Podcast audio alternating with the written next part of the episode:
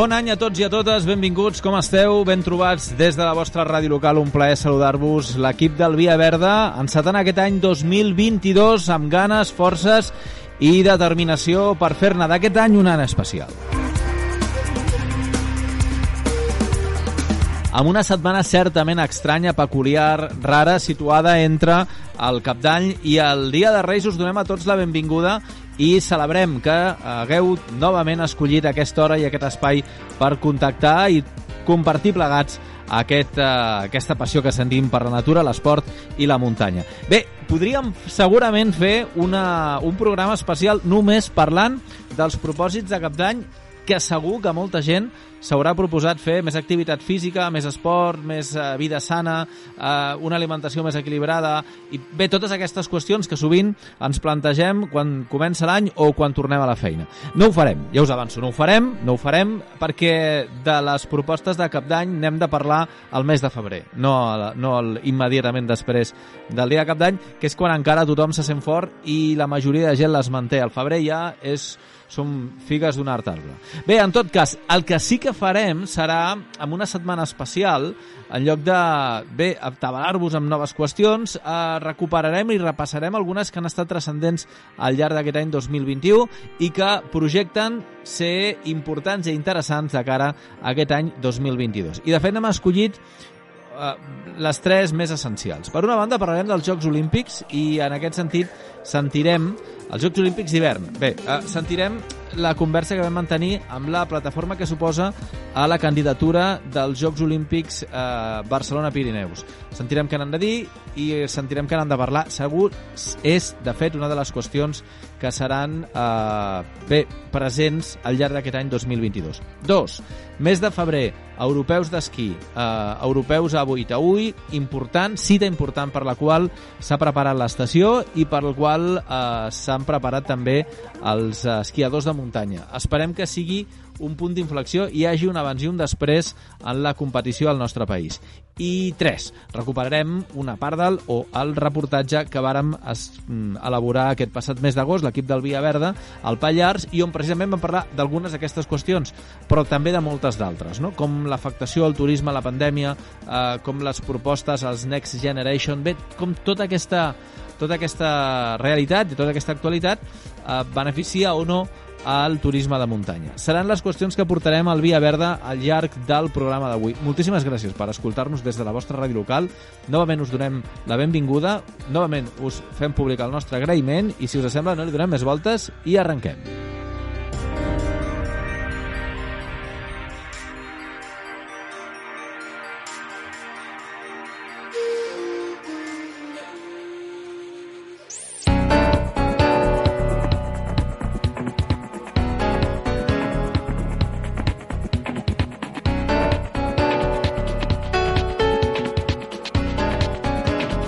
És una feina sorda, és una feina que no està a hores d'ara ocupant grans portades ni grans titulars. Però és una feina que s'està fent des del Pirineu i que d'alguna manera va fent pòsit, va fent camí. És un debat, no, no entrarem si a favor o en contra. En tot cas, és una realitat. Hi ha gent que no vol la candidatura dels Jocs Olímpics Barcelona-Pirineu, i nombrosa, quantitat de gent nombrosa. Majoritària? No ho sabem. No s'ha fet una, una enquesta, no s'ha fet tampoc uh, un sondeig, ni tampoc s'ha fet una consulta. En tot cas, la suficient com per posar el tema damunt de la taula i donar-hi visibilitat des dels mitjans uh, de comunicació. I nosaltres ho hem fet. Com a programa d'Esport i Muntanya, el que hem fet ha estat donar visibilitat a aquest debat, a aquesta inquietud, aquest sentiment, aquesta opinió, aquesta determinació d'oposar-se a la candidatura mm, Barcelona-Pirineus. I ho hem fet, entre altres coses, perquè és el propi indret on s'han de dur a terme els Jocs Olímpics el que s'hi oposa. I en aquest sentit penso que abans de decidir què s'ha de fer a casa d'un altre, que si voleu també és una part casa de tots, però al cap i a la fi és el jardí d'un altre, doncs per què no escoltar les raons i els motius? I això és el que vàrem fer al Via Verda en aquesta entrevista que ara mateix sentireu. Volem saludar el portaveu de la plataforma Stop Jocs Olímpics, Pau Lozano. Pau, bona tarda i benvingut. Hola, bona tarda. Merci.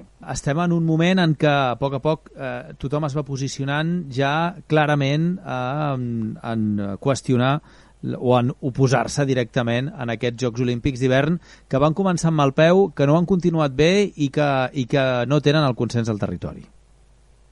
Sí, eh, nosaltres creiem que amb la presentació del manifest eh, representa en certa manera una, una estocada eh, aquest projecte que ja comptava amb poc suport, el que passa és que un projecte d'aquesta envergadura doncs sempre la gent li costa explicitar-lo i bé, eh, el fet de que hi hagi hagut eh, tota aquesta, eh, bueno, aquestes personalitats i que, que hem aconseguit moure aquest manifest amb tot aquest suport tant a nivell d'esportistes de, de primer nivell com també de d'altres personalitats del sector primari, del sector cultural, de, de, de càrrecs electes, etc eh, a nivell de Pirineu, doncs clar, sí que ha, ha obert una mica l'aixeta eh, a, començ, a, començar a veure molts dels posicionaments eh, contraris i crítics i la veritat és que cada cop queda menys gent que, que es mostri obertament a, a favor, no?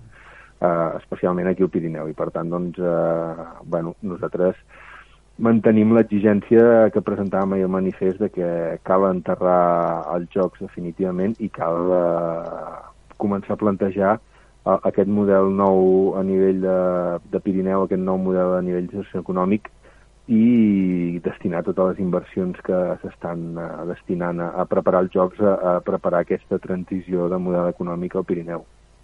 Nosaltres aquest estiu des del Via Verda vam estar fent un, un reportatge sobretot a la zona del Pallars, però bé, eh, eh, vam també trepitjar altres punts del Pirineu i, i clar, a, a, a, la, la gent ja hi havia molta resistència, hi havia molt, molt rebuig al, al, a aquests Jocs Olímpics, sobretot el sector més de muntanya, eh, evidentment el sector hoteler i, i, i turístic doncs, eh, ho veien bons ulls, però també ho veien bons ulls per una qüestió d'infraestructures, eh, que és cert que manquen al, al Pirineu i que sembla que anaven lligades en aquests Jocs Olímpics. I no estem parlant d'estacions de, d'esquí, sinó que parlem de doncs, carreteres, parlem, i no carreteres noves, d'arreglar les que ja funcionen, o les que estan en funcionament, parlem de millorar els accessos, mi, parlem de millorar les comunicacions, qüestions que no haurien d'anar lligades a uns Jocs Olímpics i que malauradament en el nostre país, i encara no entenc per què, es lliga a l'organització d'un esdeveniment d'aquestes característiques.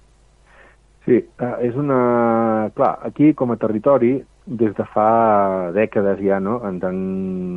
com han inculcat la idea aquesta una mica de que és un territori pobre, i que per tant eh, bueno, l'han abandonat a nivell d'inversions, a nivell d'infraestructures, a nivell de, de serveis públics i a, a molts nivells. No? I clar, llavors, eh, des d'aquest abandonament eh, ara es presenten els jocs com a, com a solució, no? acabar, bueno, us hem abandonat però ara farem els jocs i per tant invertirem. Clar, quin és el problema? Que aquest abandonament el que ha fet també és que molts cops abans del despoblament o abans que hi hagués pobles que quedessin abandonats, ja hi ha hagut molta gent que ha anat eh, sucumbint eh, al monocultiu turístic, però perquè tampoc és el que s'ha potenciat i és el que a moltes valls, eh, clar, al anar perdent la vida, doncs s'ha acabat transitant. Què passa? Que després de dècades d'aquest de, procés, la, la, els efectes negatius del monocultiu turístic ja els estem trobant avui en dia uh, que l'habitatge, o sigui que, que hi ha els veïns de, del Pirineu, especialment els joves, que doncs, és impossible pagar els lloguers, que és impossible trobar feines de qualitat i estables perquè tot al final tot, tot es basa en, en precarietat i temporalitat extremes, o sigui, totes aquestes conseqüències de substitució del sector primari o del sector secundari pel sector eh, del turisme de, de neu, ja estem notant les conseqüències i, per tant, clar, el que ens estan proposant, al final, totes aquestes eh, infraestructures, que més aquí hi ha una contradicció claríssima entre el COI, que diu que no es faran infraestructures noves, i eh, els polítics que estan intentant vendre els jocs com que és la solució perquè ens facin les infraestructures que ens falten, però en tot cas les infraestructures que ens faran continuen sent infraestructures pensades amb el Pirineu com a pati d'esbarjo, com a conduc o sigui, conduccions radials, per exemple, a nivell de, de comunicacions, anar de, de la seu a Sort eh, és un drama i és una carretera que fa desenes d'anys que està igual i que no han arreglat. En canvi, què, què estem fent contínuament? Doncs eh, facilitant el trànsit de les grans àrees metropolitanes al Pirineu, a les estacions d'esquí, que puguin pujar i baixar molt ràpid En canvi, totes les interconnexions a nivell de Pirineu són dramàtiques. No? A nivell de sanitat, en, a, la falta d'especialistes al Pirineu és un drama absolut. O sigui, tot aquest tipus d'inversions, que és el que al final ens fan falta, eh, això els, els jocs no ho arreglaran, al contrari, el que faran és eh, fer tot un seguit d'inversions que reforçaran encara més aquest model basat en el monocultiu turístic, que al final és, és una cadena, és una llosa que, que ens pesa i que està dificultant avui en dia pels problemes d'accés a l'habitatge, per la manca de serveis públics, etc, està dificultant ja que els altres sectors creixin. Eh, eh, teniu la sensació que són que aquesta és una proposta que s'envia des de Barcelona i que no es té en cap cas en compte les sensibilitats que puguin haver al territori on s'ha de desenvolupar? Sí, això és, és com ha funcionat, uh, és com funciona. I, I més que Barcelona, jo especificaria o concretaria dels despatxos del poder i dels lobbies uh, turístics i especulatius de constructors de Barcelona. O sigui, no, aquí no, diguéssim, no, no és una, un xoc amb, amb les classes populars o amb les veïnes de Barcelona, sinó amb, amb certa estructura dirigent que allà mateix estan fent el mateix, han fet el mateix i s'han carregat el centre per vendre el turisme, no? Al final, eh, aquí hi ha uns despatxos, uns lobbies que ens estan, eh, bueno, que el Pirineu. És una zona per ells on invertir i generar beneficis. El que deixi aquí de resultat o de residu o d'impacte eh, els importa molt poc. I això, clar, al principi, o sigui, fa uns anys poder no ho havíem vist, ara ja fa anys que estem veient els impactes. I per tant jo crec que aquest és una mica les, la, la, el motiu de que cada cop hi ha més rebuig. I paral·lelament està clar, el Pirineu està partit, si la meitat eh, som el Pirineu de Lleida, l'altra meitat és el Pirineu de, de Girona, o el, el Pirineu de Barcelona. Bueno, el Pirineu és un territori i ni de Lleida, ni de Barcelona, ni de Girona.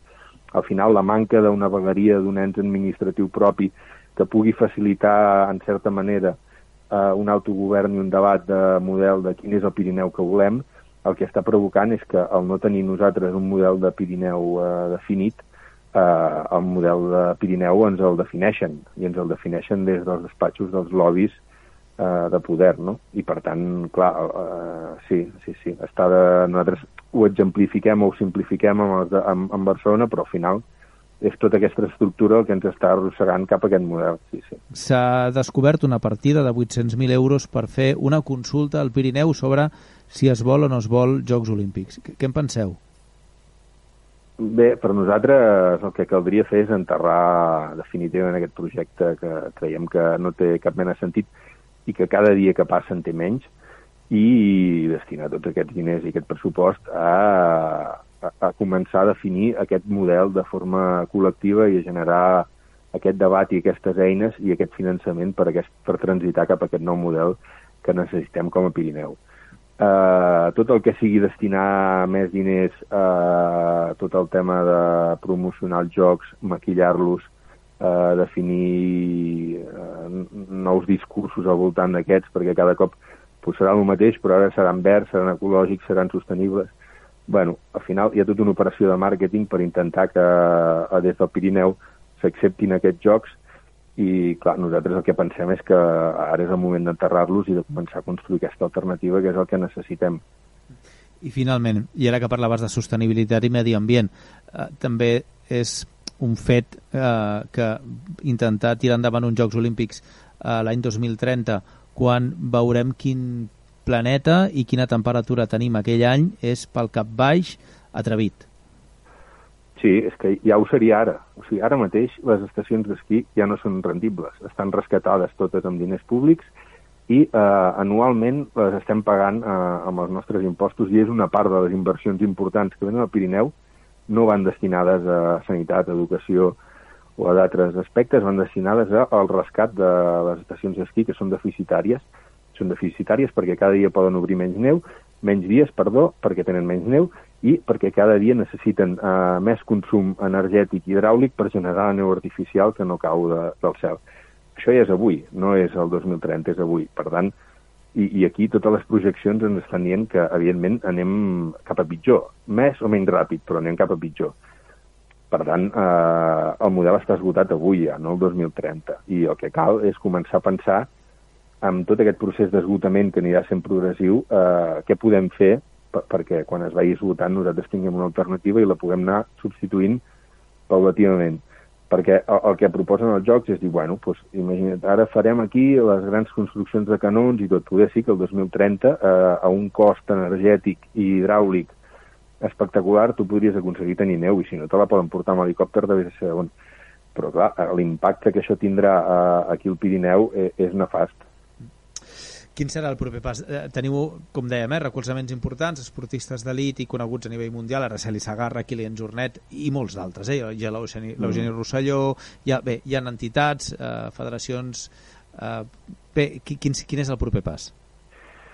Clar, nosaltres també anirem veient, depèn de, dels passos que, que vagi fent a, els promotors del joc. No? Per nosaltres, eh, ja ho hem dit i ho hem repetit, l'ideal seria que els jocs quedessin enterrats si no, nosaltres, clar, hi ha diverses eines. El primer que, que estem fent ja, que s'està fent, eh, és eh, doncs, eh, xerrades i, i assemblees i, i trobades eh, arreu del Pirineu, però també a d'altres eh, punts dels països catalans i suposo que d'altres llocs també s'hi conviden i a través d'aquestes doncs, anar articulant tot un moviment social que nosaltres creiem, i com hem dit, que la, la, aturar els jocs, el fet d'aturar els jocs, és només la palanca de canvi per fer aquest canvi de model. No? I per tant, a nosaltres, en certa manera, doncs, començar a articular tot aquest moviment social és ara mateix la, la prioritat eh, que tenim, que això el manifest doncs, ens ha ajudat moltíssim, evidentment, i que tota aquesta força que anem agafant doncs, eh, l'anirem destinant o per aturar els jocs o un cop els hem aturat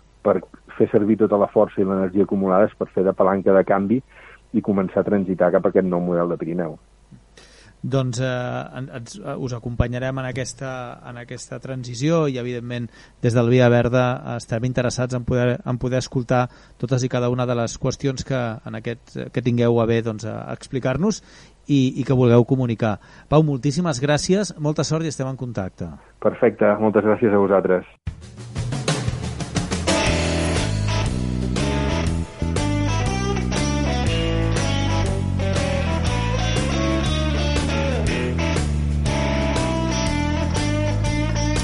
Doncs poca broma, dos anys, dos estius hem estat al Pallars amb dates similars al voltant de meitats del mes de, del mes d'agost, entre el 19, el 17, el 19 i el 20 d'agost, eh, per la zona de Sort, copsant el parer de, i, i bé, les impressions de la gent de, del Pallars sobre com els havia afectat amb ells la, la pandèmia. Eh, inicialment, el 2020 ho varen fer sobre com els havia afectat i quines previsions tenia de cara a l'hivern i a l'estiu d'aquest any passat, del 2021, ho varen fer fent valoració de, de com havia anat l'hivern i comparant les expectatives amb les realitats i sobretot projectant què ha de ser el ressorgir, esperem que definitiu, d'aquesta comarca. Bé, doncs, eh, aquest reportatge el vàrem emetre a principis del mes de setembre aquí al, al Via Verda i creiem que no ha perdut actualitat que de fet el context en el que ens trobem, aquesta sisena onada, li dona novament una nova empenta, l'actualitza i que, a més a més, tracta qüestions que són a hores d'ara eh, en l'ànim de la gent que, bueno, que parla de, i que estima el turisme, que estima la muntanya i que viu d'aquest sector. És per això que, si us sembla, el recuperem, el, el, el reescoltem i segurament posarem en valor eh, qüestions que ens havien passat desapercebudes i que ara, amb la nova realitat, doncs probablement tenen una rellevància especial. En el día de hoy acabo de comunicar al jefe del Estado la celebración mañana de un Consejo de Ministros extraordinario para decretar el estado de alarma en todo nuestro país, en toda España, durante los próximos 15 días.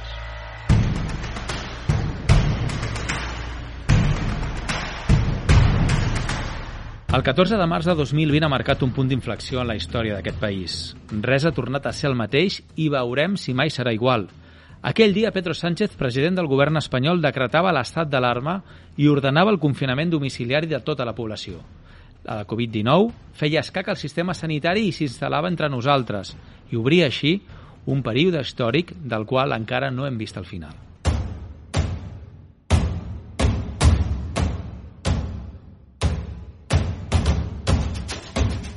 Us presentem un treball periodístic realitzat els dies 19 i 20 d'agost del 2020 i un any més tard, el 21 i 22 d'agost del 2021, on mostrem com ha viscut el Pallars aquest moment històric i quines incerteses i esperances els ha obert la nova realitat.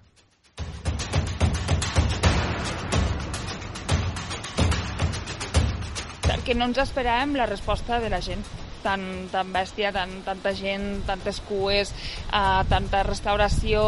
Vull dir, la veritat que sí, que ens ha sorprès una mica perquè dins de tot el que està passant ens està sorprenent que hi hagi tanta gent. Pues la veritat que al Pirineu estem treballant eh, com feia anys que no es veia, hem tingut una gran afluència de, de públic, entenc jo que la gent ha anat venint perquè el que busca és espais eh, naturals, a l'aire lliure i espais naturals, no? I la veritat que estem tenint moltíssima feina. El Pallars Sobirà és una de les comarques més grans de Catalunya i una de les menys poblades. La seva capital, Sort, té poc més de 2.000 veïns i els serveis lligats al turisme són la seva principal font econòmica. En temporada d'hivern, 10.000 persones viuen directe o indirectament del turisme – els visitants deixen prop de 800 milions d'euros cada temporada. En aquest context, l'arribada de la pandèmia va ser un cop molt fort per a l'economia de la zona. El sector del turisme, el més afectat, vivia amb temor als efectes del confinament.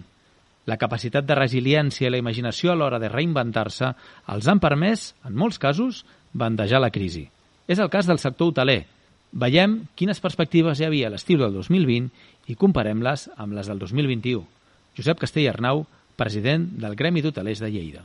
El turisme estranger és un turisme molt important que sobretot ens ve fora de temporada, eh, maig, juny, juliol, setembre i octubre, que aquest sí que l'hem trobat a faltar, sobretot el juliol, i veurem què passa el setembre.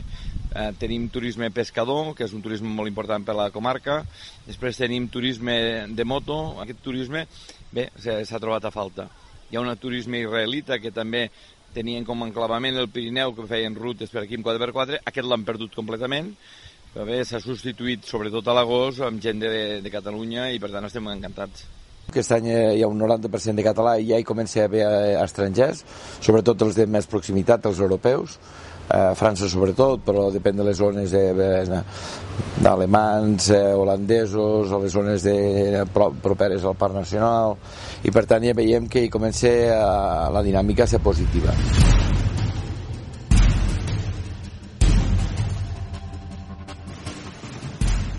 Al Pallars hi ha més de 9.000 places de càmping, a la demarcació de Lleida més de 23.000 i la mitjana de les pernoctacions era, fins al 2020, de més de 5 dies. El pes del càmping en el global del turisme de muntanya és molt important, un sector que ha sabut trobar alternatives a la situació de la pandèmia. Marta Cortina és presidenta de l'Associació de Càmpings de la província de Lleida. Any 2020. Cal destacar algunes zones on hem trobat a faltar el turisme estranger.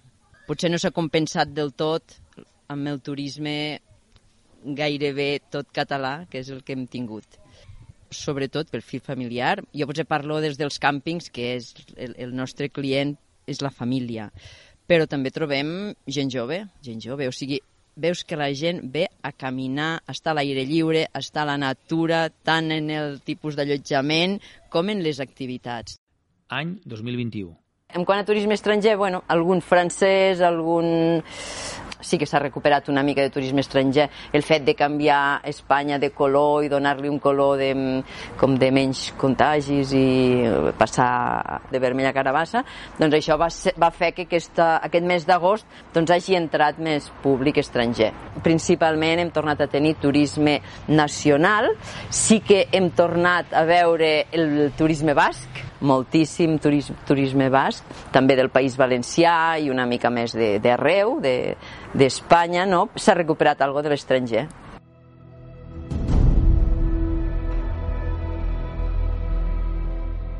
La pandèmia ens ha canviat i molt, diuen els sociòlegs. Però nosaltres també hem canviat al llarg de la pandèmia. Hem passat de l'alarma inicial a integrar les mesures de prevenció a la nostra activitat diària. Això ha provocat un cert relaxament també en les activitats de muntanya. Francesc Capdevila és portaveu de l'Associació de Guies Intèrprets del Parc Natural de l'Alt Pirineu i l'any 2020 ho veia així. Vam voler fer un protocol que quedés molt clar com, far, com serien els nostres guiatges, què havíem de fer els guies i què havien de fer els clients. Jo crec que tothom tenia molt clar que estem en una pandèmia i per tant ha sigut fàcil. Els guies, tota l'estona que fem el guiatge hem de portar la mascareta, pràcticament. Al haver fet aquest protocol ja era una cosa que enviàvem abans que vingués el client i això ja dona una tranquil·litat. I a l'any 2021 i ara aquest any s'ha notat una petita relaxació, o jo diria potser ja cansament, de que la gent ja està cansada de portar sempre la mascareta i tot. Llavors, l'únic que hem de fer és anar-ho recordant. I, però l'avantatge que tenim nosaltres és que fem les activitats a l'exterior i per tant només fent aquesta distància de dos metres de seguretat doncs ja podem anar sense mascareta en realitat, la bona feina feta des dels diferents sectors de l'àmbit turístic i de muntanya ha fet que el Pallars hagi recuperat visitants catalans que abans de la pandèmia no tenia. Després d'un primer any de lleu inesperat de famílies al mes d'agost, aquest 2021 s'ha consolidat molta d'aquesta gent i s'han recuperat alguns dels que venien abans de la pandèmia i ho van deixar de fer. Bernat Bailina, dinamitzador del Pallars, se'n feia creus l'estiu del 2020. Jo crec que mm, el Pirineu en general i el Pallars Sobirà en concret són espais que ajuden a connectar la gent. Hi ha senders que no coneix mm, eh, la majoria de la gent, la majoria de la gent anem a, als reclams, no? el llac de Sant Maurici, però si te'n vas a la vall de costat, que és eh, Parc Nacional igual, pots anar al, al Josep Maria Blanc. Tens espais impressionants, tenim el sostre de Catalunya, tenim el millor riu, tenim eh, llacs, tenim natura molt a prop de casa, tenen uns espais naturals per inculcar valors als més petits, per gaudir-los i, i garanties de passar-ho bé, activitats, barrancs, eh, canoes al llac, parcs d'aventura, eh, infinitat de coses a part de la cultura, museus eh, petits, evidentment, eh, Gerri de la Sal té una visita fantàstica. Allà t'expliquen exactament com funcionava i com, per què tenen un monestir del segle XII impressionant i l'ermita d'Arboló i tenim el romànic. Per tant, tenim un patrimoni històric impressionant que cal conèixer. Llavors, per un costat o per l'altre, el Pallars enganxa. I s'ha mostrat confiat el 2021. La gent vol tornar a la normalitat, a fer coses, a, a, a viure, a gaudir de l'esport, a la muntanya.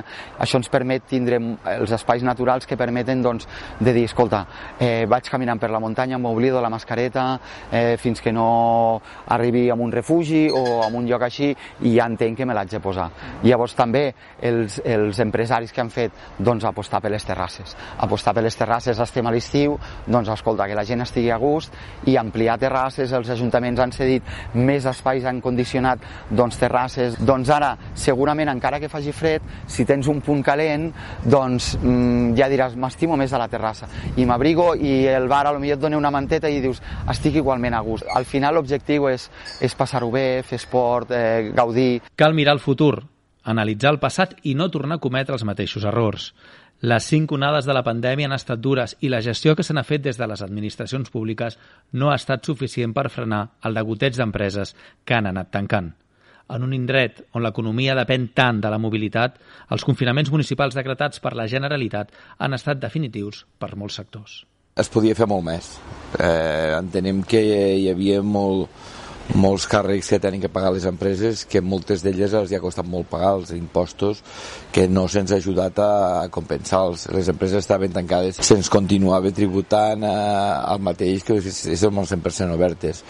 Tot el tema de, dels ERTES ha sigut un bon ajut, algun ajut directe que han tingut les empreses, però creiem que necessitàvem més perquè les infraestructures que tenim posar-los a marxa costa molts diners i si a més a més teníem algun deute com poden ser ICOs o altres per fer millores als establiments aquests costa molt de tornar-los i ha costat molt de que els bancs ens ajudessin també a, a retrasar els pagaments. És un moment d'angoixa important moment que le, tant l'empresari com després els treballadors que tenien els seus propis gastos doncs eh, ho han passat malament. Amb un 75% del sou moltes vegades les famílies li costava passar.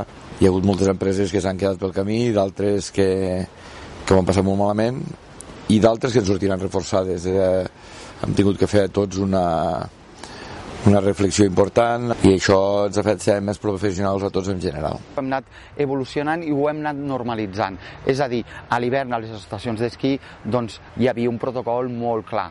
Eh? Hi havia doncs, eh, gel hidroalcohòlic a cada punt de venda, a les cues, fins i tot que dius, no, és que vayan guants. És igual, tens punts de gel hidroalcohòlic. Eh, les cadires, escolta, pues, si hi ha una cadira de 6, si aneu 3, aneu espaiats. S'ha normalitzat i aquest estiu ens hem donat compte de que, per exemple, al rafting, doncs espais com comuns, doncs, evidentment, eh, mm, tothom es posa la mascareta, no cal ni que ho digui, s'ha normalitzat, la gent ja ho sap. Al final, apliquem una mica el sentit comú.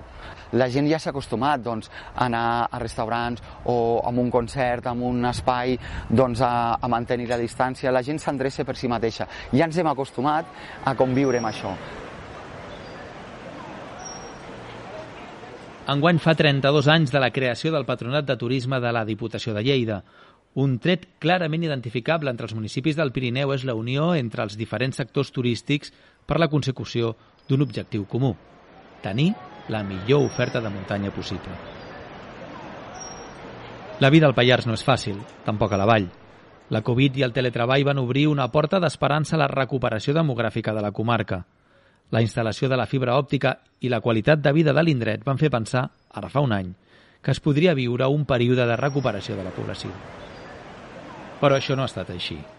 El nombre de famílies que han vingut a viure al Pallars és poc significatiu en el conjunt de la comarca.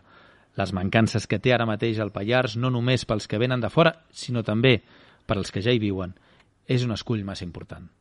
Jo crec que la base és la recuperació de població. Necessitem que s'instal·li més població aquí. Això farà que recuperem serveis perquè n'estem perdent dia a dia i això jo crec que si no es fa d'una manera s'ha de fer d'una altra. Vull dir, sabem que el turisme és estacional, doncs jo crec que amb les administracions hem de pensar com, com ho fem, no? Vull dir, jo, al final potser estem capacitats per acollir un, un centre d'estudi de la ramaderia de regenerativa, no? Eh, això portar-hi famílies i és el que necessitem. I ara que també hi ha els fons Next Generation que han de servir per, per facilitar la unió entre... Però una que ens hauríem d'ajudar és per que la comunicació entre les valls del Pirineu sigui fluida i sigui còmoda. Vull dir, nosaltres patim molt amb aquest tema. Val? O sigui, pujar de Barcelona ja és un problema. Arribar fins aquí, doncs, costa, no? O la gent pujar cap aquí, o la gent baixar cap aquí, o nosaltres poder travessar cap a la Vall d'Aran. Hi ha molta gent d'aquí que treballa a la Vall d'Aran i a l'hivern ja hem d'estar contínuament pendents cada dia com està el port de la Bonaigua, quan anem a voltar, quan es tanca, quan hi ha risc de llaus. Vull dir, això jo crec que ara s'hauria de solucionar ja. Ara estem esperançats que a través de, del Next Generation un abocament pensat perquè la gent es pugui tingui feina tot l'any, que no sigui tan temporal. Uh, som, uh, som esperançats perquè hi ha un projecte que es diu Olimpiades eh, que afecta directament a, a la Catalunya interior, que és la, la, Catalunya de, del Pirineu i per tant eh, creiem que sense fer grans infraestructures dedicades al món de la neu, però sí infraestructures dedicades al món de la gent, que serien les comunicacions a través de les estacions, creiem que seria un bon punt de partida eh, perquè la gent decidís al final eh, quedar-se a viure estar una hora d'un hospital també es fa una mica lluny i per tant si, si aquests terminis es poden anar ajustant i rebaixant doncs sempre és d'agrair. Aquí un de, dels problemes que tenim és la comunicació, moure'ns.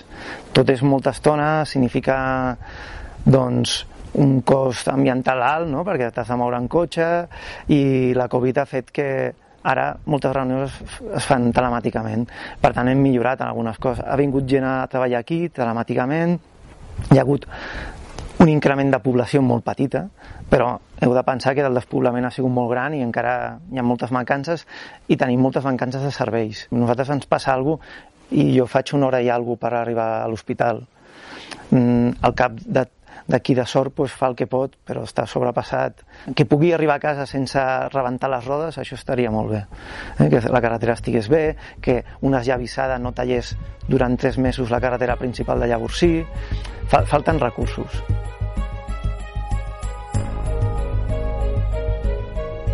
La candidatura als Jocs Olímpics d'hivern Barcelona-Pirineus és vist per alguns sectors com una oportunitat per poder posar remei a les mancances de comunicació que té el Pallars. La proposta, però, no està al marge de debat. Què fer amb les infraestructures quan acabin els Jocs? Calen realment determinades inversions en un context de canvi climàtic i escalfament global? Són qüestions que ara mateix generen debat. Si us hi fixeu, a gairebé tot el Pirineu hi ha el govern a darrere que, que és ferrocarrils, eh, que aquest any ha entrat Boí, no totes les inversions s'han de fer a Barcelona. Jo crec que en el fons s'ha de buscar l'equilibri. A Barcelona 92 li va anar molt bé, eh, les rondes, obrir el Barcelona, la ciutat al mar... Jo entenc que no s'han de fer barbaritats, però també entenc que, que les comunicacions per arribar al Pirineu han de millorar. Els Jocs Olímpics és una aposta perquè hi ha molta gent d'Europa de, que només pense en, en el turisme de sol i platja. Hi ha un perfil de gent que no, que no coneix el Pirineu. Llavors, eh, igual que Barcelona es va posar de moda, doncs, bueno, pues, escolta, tenim molt recorregut a fer. Eh, hem de buscar també l'equilibri, eh? no ens hem de passar tampoc. Tenim una capacitat hotelera com per absorbir un turisme de masses, però sí desestacionalitzar una mica les puntes de l'agost i Nadals i Reis. Posar el Pirineu com a marca eh, al món amb Olimpiades, eh, clar, ens deixarien un actiu. Nosaltres estem molt a favor d'aquesta candidatura. Jo crec que els Pirineus, quan passem la frontera, doncs la gent no els coneix jo parlo d'Europa i ja no, no vaig més enllà, no? O sigui, jo crec que seria llançar-nos una mica al món. Seria com, bueno, una mica el que va passar en Barcelona, amb uns altres nivells totalment diferents, no? Però jo crec que la gent acabaria coneixent el Pirineu i que també tenim turisme d'hivern, o sigui, Europa, a part de França, jo crec que no, no, no pensen en nosaltres amb clau hivern, pensen en Catalunya amb clau estiu. I això seria posar Catalunya com una destinació que també pot ser de turisme d'hivern. Jo et diria que no té sentit que un país com el nostre inverteixi amb la neu. Inverteixi amb la neu a aquest nivell crec que el que pot aportar són més gastos que beneficis. Altra cosa és que pugui ser molt interessant a nivell polític, a nivell comarcal, perquè igual reactive alguns sectors, però, però jo crec que no som el país per tirar endavant una Olimpiada d'hivern per als gastos que això suposa. Altra cosa és que el país estigui preparat a nivell econòmic per poder tirar endavant aquesta inversió. Però no sé si el país econòmicament està preparat per fer una inversió així de gran. Pensant en les Olimpiades, no veig que ens estem focalitzant en una cosa i, i hem de pensar en global què volem deixar als nostres fills.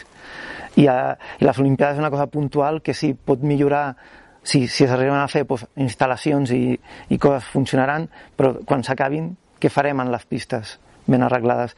Quan tot està apuntant que hi ha un canvi climàtic i que d'aquí X anys la neu començarem a tindre problemes, doncs hem de començar a avançar-nos. I si ens focalitzem en, les Olimpiades, no estem pensant a llarg termini, que és el que jo crec personalment que ens hauríem de fitxar i fer quin model de turisme i de territori volem. I penso que les Olimpiades és un pedacet.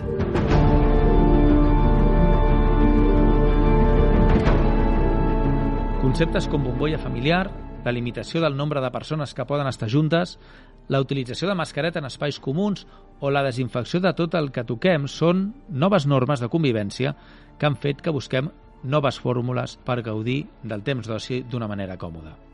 En aquest context han irromput amb força les autocaravanes. Fer vacances amb la casa a sobre ha solucionat alguna de les incomoditats, però, com tot, ha generat també alguns mals de cap, sobretot per part d'aquells que no coneixen la cultura campista.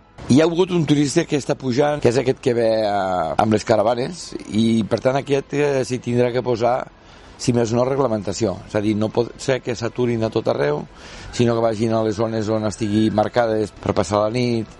Eh, evidentment que, que la vareta no es pot mesurar per tothom igual, hi ha gent que fa molts anys que ho fa i que ho té molt controlat i que sap el que té que fer, i d'altres que allà on arriben, quan marxen, es nota molt. I per tant, al medi ambient i som molt respectuosos i treballem perquè això vagi endavant i perquè ho puguem conservar molts anys i per tant aquesta gent se'ls tindrà que, sobretot els que no estan acostumats a fer-ho, a ensenyar-los com ho tenen que fer.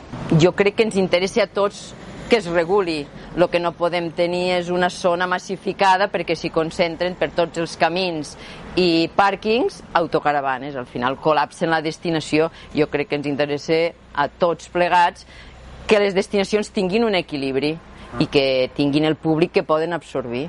Hi ha gent que no sap que està parant a un lloc que és propietat d'algú o que allò que fa pot afectar negativament el, a, a, aquest equilibri que tenim aquí dalt, que sí que és molt important. Heu de pensar que aquí el Pallars Sobirà gran part del territori està protegit i està protegit per alguna raó llavors mm, hi ha gent que sense voler està afectant i la concentració, doncs la gent ha d'anar al lavabo no hi ha lavabos preparats es posen per llocs que no toca llavors s'ha vist una... que s'ha embrutat, moltes zones s'han embrutat no vull dir que tothom ho faci, eh? però hi ha gent que ho fa Res serà igual a partir d'ara, pel que hem viscut i per les conseqüències del que ha passat. Les coses han canviat i seguiran canviant fins que trobem la fórmula per conviure amb una amenaça per a la que no estàvem preparats. Canviar, adaptar-se, no donar res per segur i permanent, veure oportunitats allà on abans no hi havia i saber buscar una resposta a totes les preguntes s'esdevé imprescindible en els nous temps. Pel Pirineu de Lleida, la Covid pot ser una bona oportunitat de millora i les perspectives amb què s'enfronten els nous temps són renovades i millorables. Però sí, jo crec que la tardor pot, pot ser molt bona. La gent té necessitat de sortir, la gent quan es torna a trobar, si continua el tema Covid també, l'arriba aquí la veritat és que és alliberar-se una mica de la pressió de conviure tanta gent en un mateix lloc i jo crec que la gent continuarà a voler venir aquí a, o sigui, a Terres de Lleida, no? La temporada d'esquí, esperem que el Covid ens deixi fer una bona temporada d'esquí.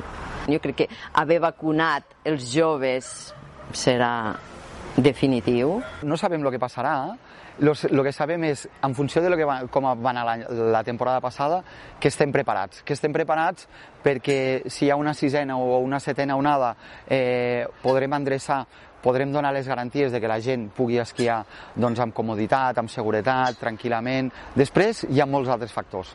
Eh, veurem com va. No depèn de nosaltres, sinó depèn de la mobilitat de la gent. Seran benvinguts i ja saben una mica de l'experiència de l'any passat, doncs ja anirà més rodat. Igual que ha passat a l'estiu, fa molt bona pinta. Vull dir, en principi, eh, creuem els dits, ha de ser una temporada molt millor que l'any passat, que no costa tant. El futur té que ser eh, mesurat. Tenim que ser nosaltres cada vegada més professionals. Si volem que tindre un, un turista de, qualitat, el tenim que mimar i tenim que fer les coses perquè ells estiguin contents. Sobretot cal conservar els nostres clients. Nosaltres no podem competir en quantitat, i sobretot que tinguin una gran oferta. És a dir, no és vàlid que només hi hagi un establiment al, al territori o alrededor, perquè un no serveix per res, necessitem que hi hagi un global, que, que molta gent s'involucri, que hi hagi petits restaurants, que hi hagi productors, que hi hagi, que hi hagi eh, proximitat a, a, i relació entre productors, elaboradors, que puguem fer conèixer el territori i això dona un valor afegit que, que és el Pirineu, que és, podem dir, també la plana de Lleida i que, que és el, el que lluitarem. El valor humà creiem que és el, el que fa diferenciar d'un territori. Soc optimista, o sigui que espero que nevi, que s'obrin les pistes, que hi hagi gent i que hi hagi gent... Eh, aquí tenim mil vessants, doncs que qui vulgui vindre a esquiar, que esqui, qui vulgui fer raquetes, raquetes, qui vulgui caminar senderisme, o sigui, estem oberts, encantats que vingui la gent i en les frases oberts els esperarem i sobretot que contactin dies.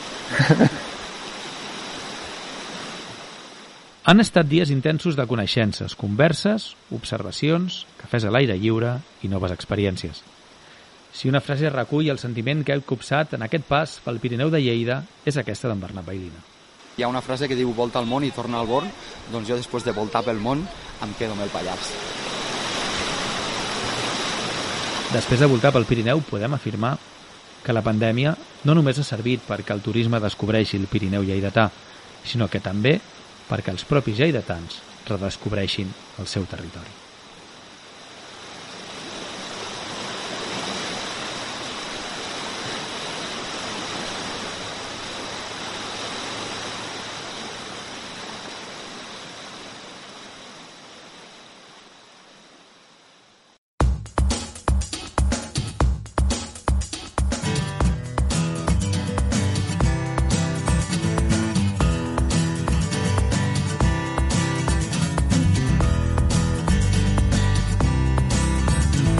Seguim. Al Via Verda no ens n'amaguem d'aquesta predilecció que tenim cap als esports de neu, especialment cap als esports que ens relacionen directament amb la natura i no amb la velocitat. Per exemple, ens agrada l'esquí de muntanya, ens agrada les raquetes de neu, ens agrada les travesses, ens agrada les excursions. L'esquí de muntanya, l'esquí que el nostre país té i ha tingut grans esportistes, ha estat referenciat al llarg d'aquestes darreres setmanes en diferents ocasions. Uh, una d'elles posant el focus al que és aquest europeu d'esquí de muntanya que se celebrarà a Buitaüll aquest, eh, mitjans d'aquest proper mes de, de febrer. Bé, doncs, creiem que és una de les previsions eh, importants d'aquest 2022, és una de les previsions importants de la, de la temporada. Segurament podríem parlar també o recuperar la xerrada que vam fer amb en Just Associats no? sobre el seleccionador català de raquetes de neu i, i també amb, amb en Nil Cardona i també, però amb, amb en Marc Pinsac però bé, en tot cas el que volem és recuperar aquesta aquesta conversa que vam fer amb en Jordi Canals, precisament sobre això, els europeus d'esquí de, avui i tot el que significa aquest esport a, a casa nostra. És per això que avui al Via Verda és un plaer saludar en Jordi Canals. Jordi, bona tarda i benvingut. Bona tarda, com esteu tots? Doncs amb moltíssimes ganes de, de parlar amb tu i amb moltíssimes ganes de, bueno, de, de començar a celebrar l'arribada de, de la neu que, que ho ha fet amb força les darreres hores, els darrers dies, i que comença ja a, a pintar de blanc les, les muntanyes i a, i a dibuixar el, el principi de la temporada, no?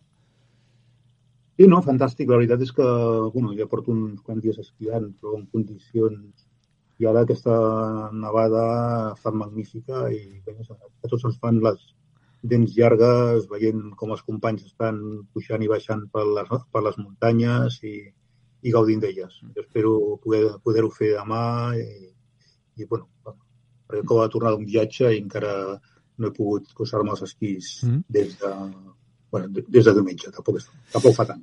Bueno, tampoc no, no, no fa pas mm, tant. Sí que és veritat que um, cada cop l'afició és creixent. Bé, primer comencem una temporada d'esquí de muntanya que pot esdevenir-se històrica pel que passarà en aquest país al, al mes de febrer.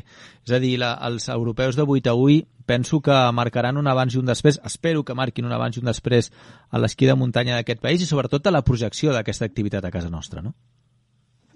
Bé, home, la veritat és que l'esquí de muntanya al nostre país doncs, va començar un altre nivell, no? 1927. Fites històriques han estat doncs, el Rallica i Cap Sec de l'any 76, moltíssimes curses, el Copes d'Europa, els Campionats del món del 2004, altres Copes del món, i, evidentment, doncs, aquests campionats d'Europa seran la primera prova que es faci al nostre país internacional després de que la sessió del Comitè Olímpic Internacional a Tòquio digués que l'esquí de muntanya seria olímpic a Milano Cortina 2026. Amb aquest punt sí que és, eh, sí que és un, una fita històrica. Mm.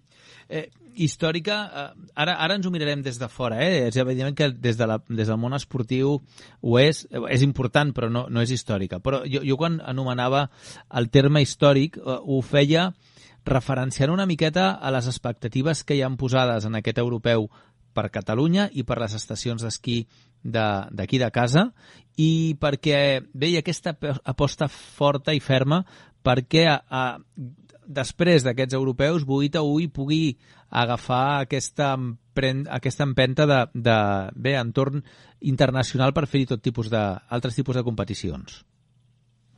Sí, és una aposta molt important que s'està fent aquí al nostre país, de, doncs de, amb un gran suport de ferrocarrils, i llavors és una manera de posar bueno, totes les estacions del nostre país estan, han fet proves de, bueno, quasi totes, millor dit, han fet proves d'esquí de, de muntanya i en el cas de Buitaúi sí que, que ja porta també una tradició d'organitzar Copes d'Europa i Campionats d'Espanya, hi haurà un salt, jo penso que hi haurà un salt molt important de qualitat, vindran els dos corredors europeus, hi haurà proves a el que es diu un, el que així es diu en format olímpic, és, és a dir, que no faran proves que sortiran de 8 a 8 i per dir alguna cosa aniran fins a, a Montardo, sinó que seran circuits molt més reduïts, tant de sprints com de eh, relleus, com la, vertical, com la vertical, i també l'individual segurament es farà amb un format relativament semblant a Milano Cortina, que el que els tècnics estan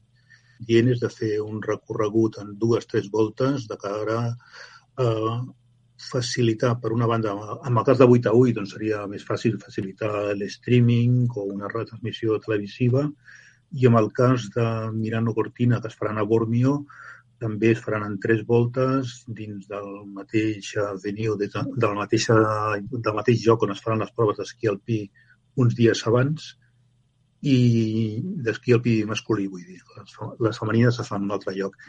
I llavors això, clar, hi ha una, un concepte que nosaltres hem perdut una mica de vista, potser amb, amb els Jocs Olímpics, que és el de security, el de seguretat policial contra terrorisme. Bé, els Jocs Olímpics estan molt, així com nosaltres, això, a veure, ens treballant en cossos de quadre i tot això, però ja ningú vindrà a fer esperem, toquem fusta, un atemptat terrorista avui a avui, Clar. doncs des de Múnich, els atemptats de Múnich famosos, doncs el Comitè Olímpic és molt, s'ho mira molt el tema de seguretat. Per això ens van dir, bueno, us podeu moure, però ens podeu moure una mica més. Diu, ja, a part del tema de, que hem comentat de televisió i, i tot això, hi ha un tema de seguretat que no podeu anar molt lluny perquè estan molt preocupats de garantir la seguretat de tots. Mm. Aquest és potser un, un dels grans reptes, eh, que és veritat això que dius, quan es parla d'organitzar una competició d'aquestes característiques a casa, clar, hem, ara ja conceptualitzem això, no? Com, quanta gent hi anirà, eh, com, quantes teles ho retransmetran, i si hi haurà prou, prou places hoteleres o no, quin temps farà.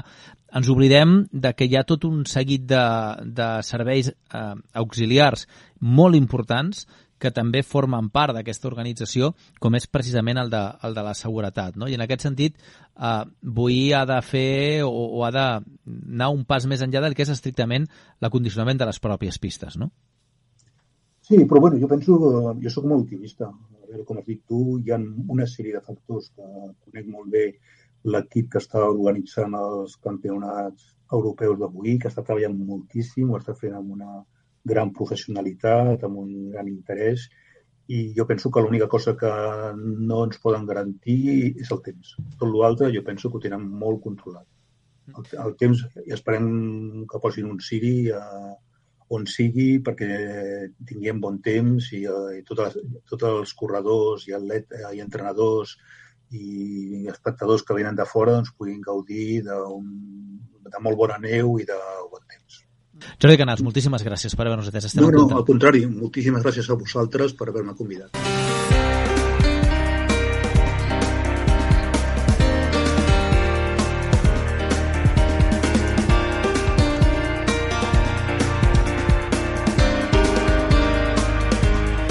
I fins aquí aquest Via Verda, primer Via Verda de l'any 2022. Esperem que el primer de molts, si tot va bé, el primer de 52 vies verdes més que anirem afegint al Serró. Agraïts que des de la vostra ràdio local ens escolteu, que des de la vostra ràdio local ens seguiu i us animem a seguir-ho fent també a través de les xarxes socials, a la xarxa Twitter, via guió baix verda, i a la xarxa Instagram, via verda, acabat amb M de muntanya, eh? via verda, tot junt, acabat amb M de muntanya, que és el mateix que el correu electrònic amb Gmail, eh? viaverdam.gmail.com. Aquesta és la nostra, el nostre punt de trobada, el nostre punt de contacte. Repeteixo, des de la vostra ràdio local, la ràdio de proximitat, aquella ràdio que parla aquell, el, el vostre llenguatge i que tracta aquelles qüestions que us queden més properes i segur que us interessen i, per tant, eh, és per nosaltres un plaer poder ocupar aquest petit espai dins de la programació. Gràcies per tot. D'avui en avui tornem, llavors ja sí, amb nous continguts, amb nous arguments i amb iniciatives que porten gent important i han portat gent important a fer crides a través de les xarxes socials. A la setmana vinent us ho explico. Us ha parlat en Josep Maria Cano. Que els Reis us portin moltes coses. A reveure.